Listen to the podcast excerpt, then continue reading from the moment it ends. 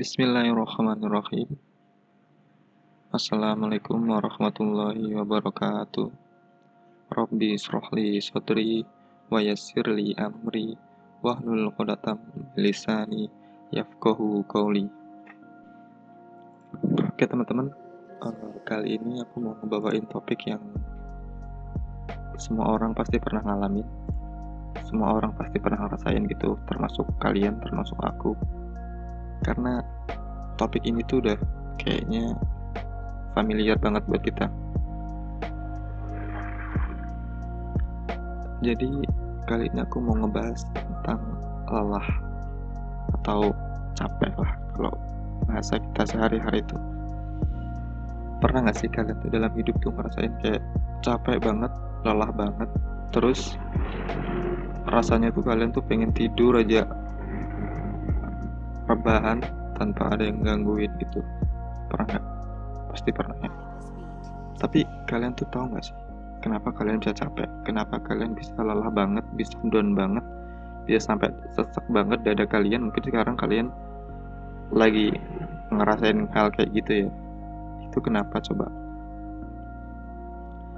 Sebelum kita bahas kenapanya yang pertama tuh kita harus tahu dulu definisi lelah itu apa terus gimana caranya supaya kita nggak capek atau nggak lelah? Gimana cara ngilangin lelah atau capek itu sendiri atau rasa sakit atau segala macam itu? Terus yang terpenting tuh gimana merubah semua itu lelah itu menjadi lillah yes, kan jadi lelah kalau menurut Wikipedia itu adalah suatu kondisi yang memiliki tanda berkurangnya kapasitas yang dimiliki seseorang untuk bekerja dan mengurangi efisiensi prestasi dan biasanya hal ini disertai dengan perasaan letih dan lemah. Kelelahan dapat akut dan datang tiba-tiba atau kronis dan bertahan. Itu menurut Wikipedia. Tapi kalau menurutku, lelah itu sejatinya ya ujian dari Allah. Karena nggak ada manusia yang nggak diuji sama Allah. Allah tuh berfirman, Apakah manusia mengira bahwa mereka akan dibiarkan hanya dengan mengatakan, kami telah beriman dan mereka tidak diuji? Quran Surat 29 ayat 2 Dan sungguh kami telah menguji orang-orang sebelum mereka. Maka Allah pasti mengetahui orang-orang yang benar dan pasti mengetahui orang-orang yang dusta. Quran Surat 29 ayat 3 Nah, dari sini tuh kita tahu kalau lelah atau capek atau rasa sakit yang kita rasain tuh sebenarnya ya emang udah ujian dari Allah, emang udah fitrah, fitrahnya manusia udah ketentuan dari Allah. Udah menjadi sunatullah gitu.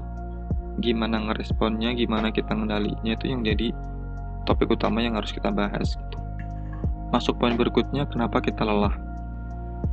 Tapi sebelum itu kita bagi dulu. Lelah itu kan dibagi jadi dua. Adalah fisik sama adalah jiwa atau mental gitu. Nah biasanya kalau lelah fisik itu karena emang kita terlalu memforsir diri kita untuk kerja di luar batas kemampuan kita. Kayak misalkan suka begadang. Kalau yang kerja tuh suka lembur. Kalau yang lagi kuliah tuh suka ngerjain tugas sampai pagi, sampai malam, kadang sampai semalaman tuh cuma ngerjain satu tugas itu doang gitu. Makanya tubuh kita capek, lelah gitu.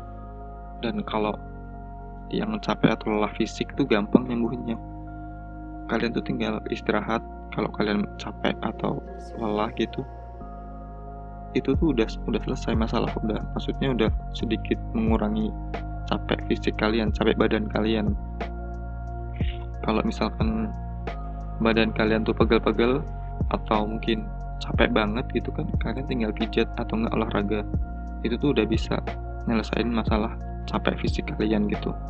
Beda cerita kalau kita lelah mental capek mental atau pikiran gitu atau sakit di dada itu kan nggak ada obatnya susah nyari obatnya.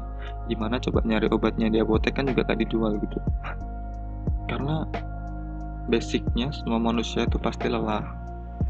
Baik kaya miskin orang sehat atau orang sakit cowok atau cewek semua pasti lelah semua pasti capek.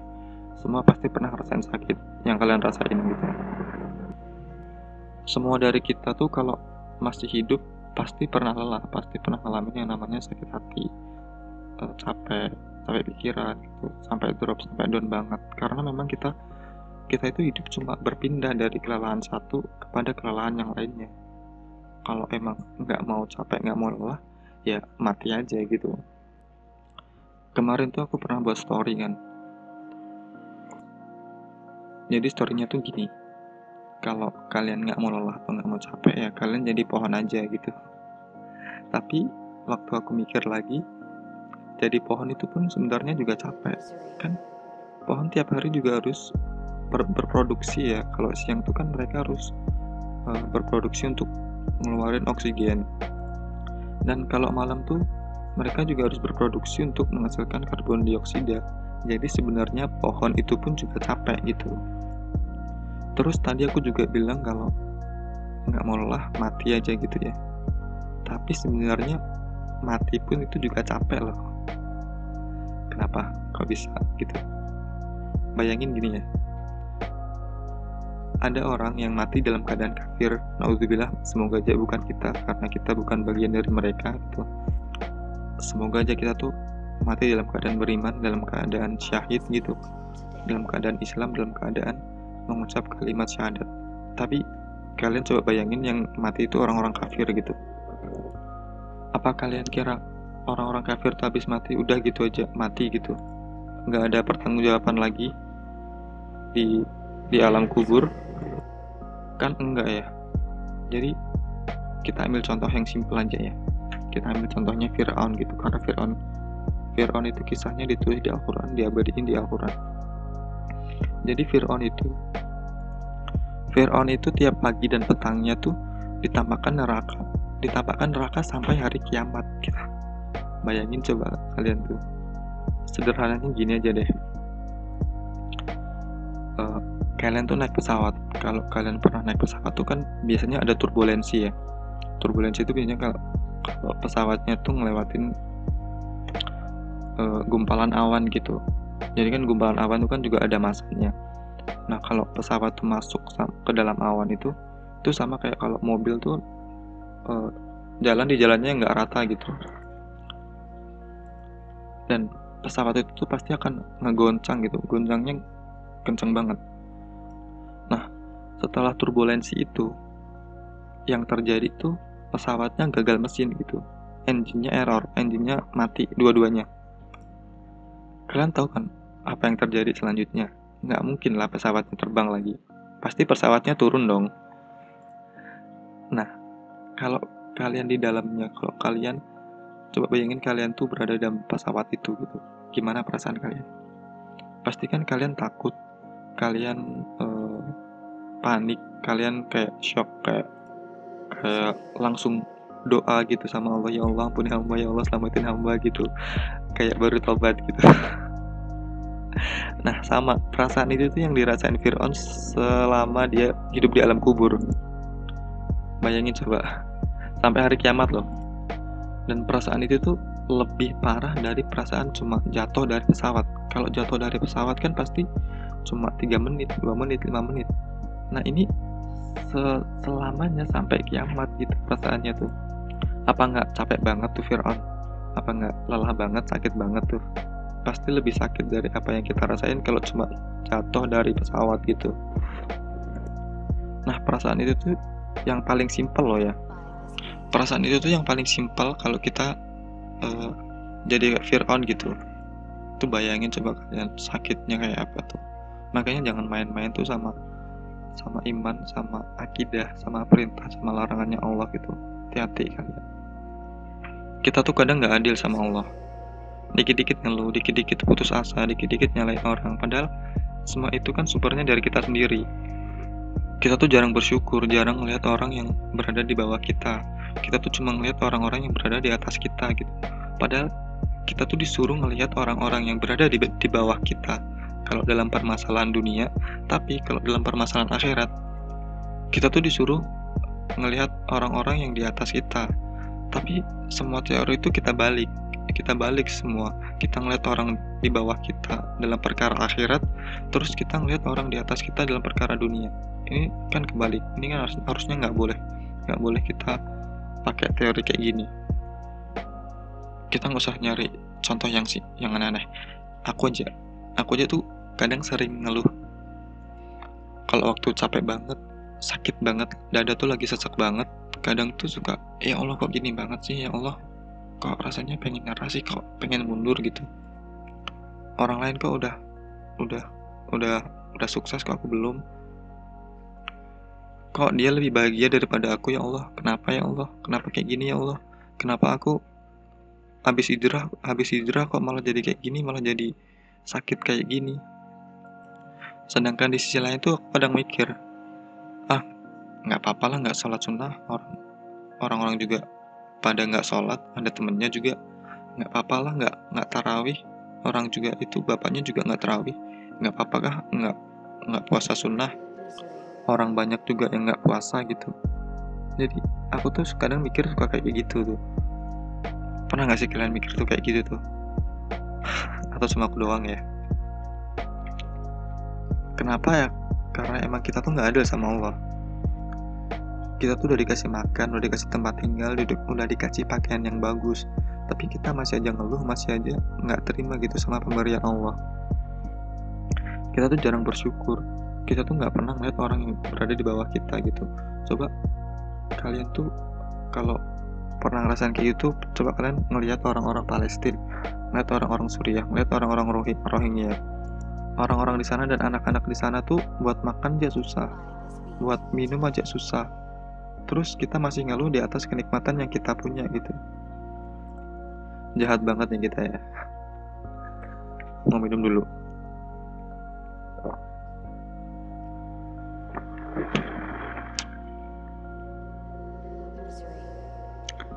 Lanjut ya. Sampai mana tadi?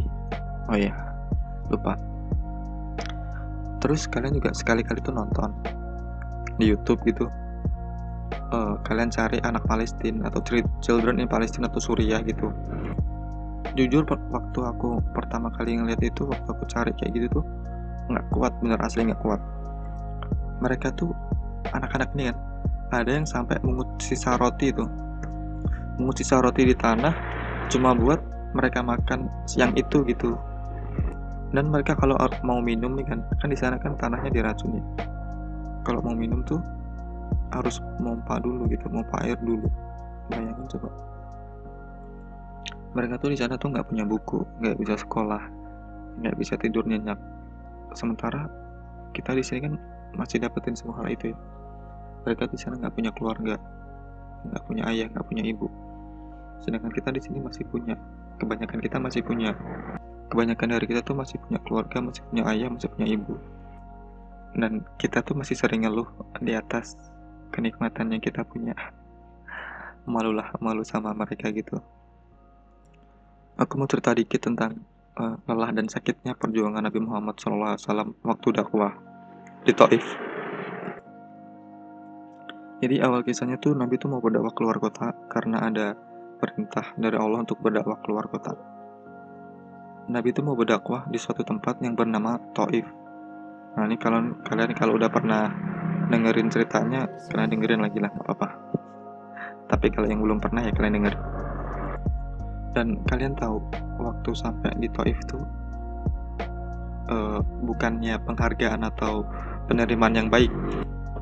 Malah di situ tuh Nabi tuh dihina, dicaci, dimaki, diteriak-teriaki sampai di kejar-kejar sama orang-orang yang ada di wilayah itu. Bahkan anak kecil pun ikut ngejar-ngejar Nabi Nabi itu dilemparin pakai batu? Pakai ada yang bilang juga pakai kotoran gitu. Sakitnya Nabi lelahnya Nabi itu kan nggak nggak bisa kita bayangin gitu sampai sahabat Nabi yang melindungi Nabi itu yang jadi tameng buat Nabi itu dia itu juga berdarah. Sampai nggak kuat. Di suatu riwayat tuh Nabi juga kepalanya berdarah kakinya berdarah tubuhnya berdarah. Coba kalian bayangin kalau kalian di posisi itu karena pasti sakit banget. Sasak banget rasanya dadanya tuh. Karena apa? Karena perjuangan Nabi itu nggak sebanding sama perjuangan kita gitu. Lelahnya Nabi sakitnya Nabi itu nggak sebanding sama kita. Terus lanjut cerita. Akhirnya tuh Nabi berteduh di suatu pohon sama sahabatnya tadi. Sampai beberapa saat malaikat Jibril tuh datang bawa malaikat penjaga bukit. Dan malaikat penjaga bukit tuh bilang sama Nabi Ya Rasulullah, angkat tanganmu ke langit dan minta sama Allah. Aku akan cabut dua bukit itu dan aku akan himpitkan kepada mereka gitu. Bayangin coba kalau kalian uh, lagi di posisi nggak enak, lagi di posisi sakit, dihina orang, terus ada malaikat datang mau hancurin orang yang mau uh, himpit orang yang ngebully kalian tuh pakai dua bukit. pasti pasti kalian tuh juga iya ya malaikat. Iya itu himpit aja tuh nggak apa-apa. Biar mereka mati sekalian. Tapi apa? Apa Rasulullah bilang gitu? Enggak. Rasulullah nggak bilang kayak gitu. Rasulullah malah bilang kayak gini. Jangan. Jangan kalian lakukan hal itu. Mereka hanya belum tahu saja. Dan aku berdoa kepada Allah kepada Tuhanku. Semoga Allah mengeluarkan anak dari tulang, tulang sulbi mereka yang semuanya itu nanti beriman kepada Allah gitu. Masya Allah tuh baiknya Nabi tuh, akhlaknya Nabi tuh, Masya Allah banget kan. Nggak sampai sini doang doanya, Nabi itu lanjut berdoa lagi gitu. Duhai Allah, setelah dari sini saya dilempari, saya dihujat, akan ke mana lagi engkau mengantarkan saya? Apakah ke tempat yang dekat dari sini? Dan saya akan disakiti lagi, atau di tempat yang masih jauh, di mana di tempat itu saya akan dihinakan lagi. Saya ridho ya Allah, asalkan engkau tidak murka dengan saya. Gila, dan kalian tahu apa yang terjadi setelah Nabi berdoa itu? Kata Abdul Ustadz Abdul Somad, e, wilayah itu di Taif itu sekarang tuh semuanya masyarakat di situ tuh muslim semua. Nasihatnya doa Nabi sampai dikabulin sampai hari ini. Sampai sekarang semua yang di Taif itu muslim. Beratnya kan berat sakit yang dialami Nabi waktu berdakwah. Dan cerita ini tuh yang akhirnya buat aku gampang maafin orang gitu yang aku bisa ambil pelajaran. Nggak sebanding sama lelah dan sakitnya perjalananku perjalanan perjalanannya Nabi itu dakwahnya Nabi itu lebih sakit lebih lelah daripada apa yang aku rasain gitu. Itu yang membuat aku akhirnya respon kalau ada orang yang nyakitin aku atau yang uh, ngebuat ngebuat dadaku ses ngebuat ngebuat sakit hati lah pokoknya.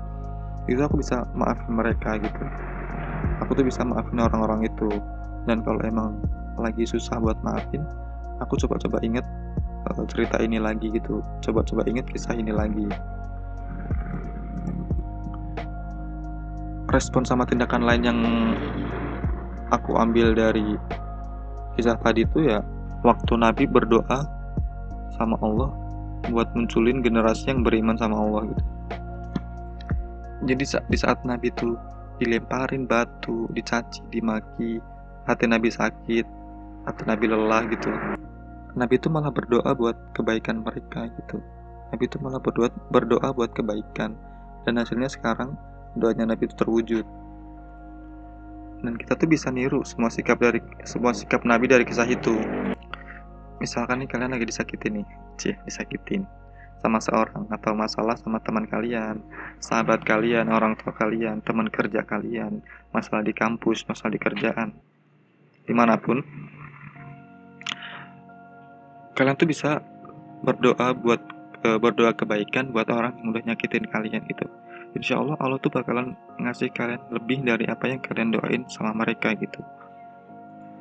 Ya walaupun nggak ada salahnya ya kalau kita berdoa buat diri kita sendiri. Tapi kan kalau kita ngedoain orang gitu kita dapat double gitu. Kita dapat dua kebaikan. Yang satu pahala dari ngedoain orang itu orang yang nyakitin kita itu tanpa dia ketahui. Terus yang kedua itu kita dapat ijabah dari doa, doa kita tadi. Karena malaikat tuh ngaminin doa-doa orang-orang yang ngedoain orang lain tanpa orang lain itu tahu gitu. Dan aminnya malaikat kalian tahulah pasti lebih dahsyat. Klise ya kayaknya. Tapi emang bener. Aku ngomong kayak gini tuh bukan baca doang. Ini tuh karena aku udah ngerasain udah ngalamin. Jadi aku bisa ngomong kayak gini tuh ya karena aku udah ngalamin berat ya emang berat. Ya gimana ya? Kan kita mau jadi orang yang dirindukan sama Nabi ya kita harus mencontoh semua semua suri teladannya Nabi. Emang berat emang nggak mudah aku tahu. Ya gimana? Kita harus melakukan hal yang terbaik buat diri kita sendiri gitu. Pada dasarnya tuh manusia tuh emang nggak bisa luput dari namanya kelelahan dan rasa sakit kita pasti pernah ngerasain hal itu semua. Aku tahu kalian hari ini sakit hati. Hari ini kalian capek lelah gitu. Kalian rasanya tuh pengen mati aja. Atau yang lain gitu. Tapi itu Nabi itu nggak pernah ngajarin kayak gitu. Nabi kita tuh nggak pernah ngajarin kita pesimis. Nabi kita tuh ngajarin kita selalu optimis. Kita tuh harus melampaui batasan dari diri diri kita sendiri gitu. Harus harus melampaui eh, batasan-batasan yang kita ciptain sendiri sebenarnya gitu aku yakin kalian pasti kuat. Kalian pasti uh, sanggup menghadapi momen-momen kayak gini. Momen-momen sakit hati sekarang. Momen-momen dada kalian sesak. Momen-momen di mana kalian tuh udah kayaknya pundak kalian tuh udah nggak kuat gitu. Tapi aku yakin kalian tuh kuat. Kalian tuh hebat gitu. Kita lihat deh orang-orang besar itu. Orang-orang besar orang-orang sukses itu cobaannya lebih besar daripada kita.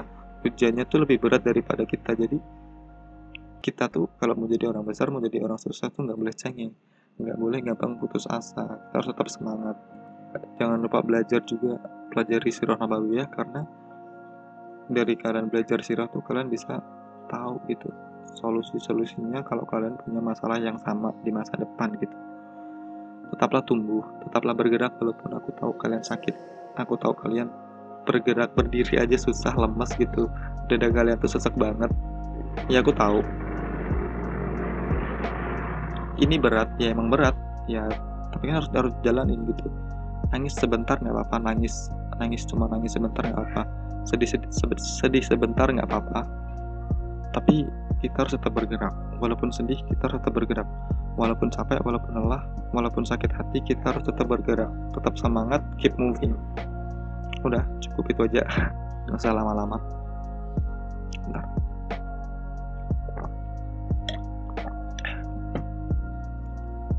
usah kebanyakan baca usah kebanyakan teori. Pelan-pelan aja. Uh, kita belajar pelan-pelan. Kalau kalian ngerasa podcast ini bermanfaat atau buat kalian tambah semangat lagi kalian bisa share podcast ini ke teman kalian atau ke sosial media kalian supaya kalian tuh juga dapat manfaat dari yang kalian bagi yang kalian share dari podcast ini gitu. Uh, kalau misalkan ada salah kata mau dimaafkan kalau misalkan ada ceritanya yang sama atau masalah hidupnya sama sama yang aku ceritain tadi mohon maaf karena ini cuma sharing sharing pengalaman pribadi. Ini nggak ada maksud apa-apa nggak ada motif buruk di balik podcast ini. Jadi kalau ada yang benar itu dari Allah dan Rasulnya oh ya kalau kalian mau kritik dan saran bisa DM aku di IG @ramadhani mataru atau kalian kalau mau request topik atau bahasan apa yang mau aku bahas di podcast ini boleh juga bisa kalian DM di Instagram aku ya udah tadi aku sebutin kan? Ya udah sekian dari aku. Semoga kita diberi keberkahan sama Allah Subhanahu wa taala dan semoga kita juga jadi orang yang bermanfaat. Assalamualaikum teman-teman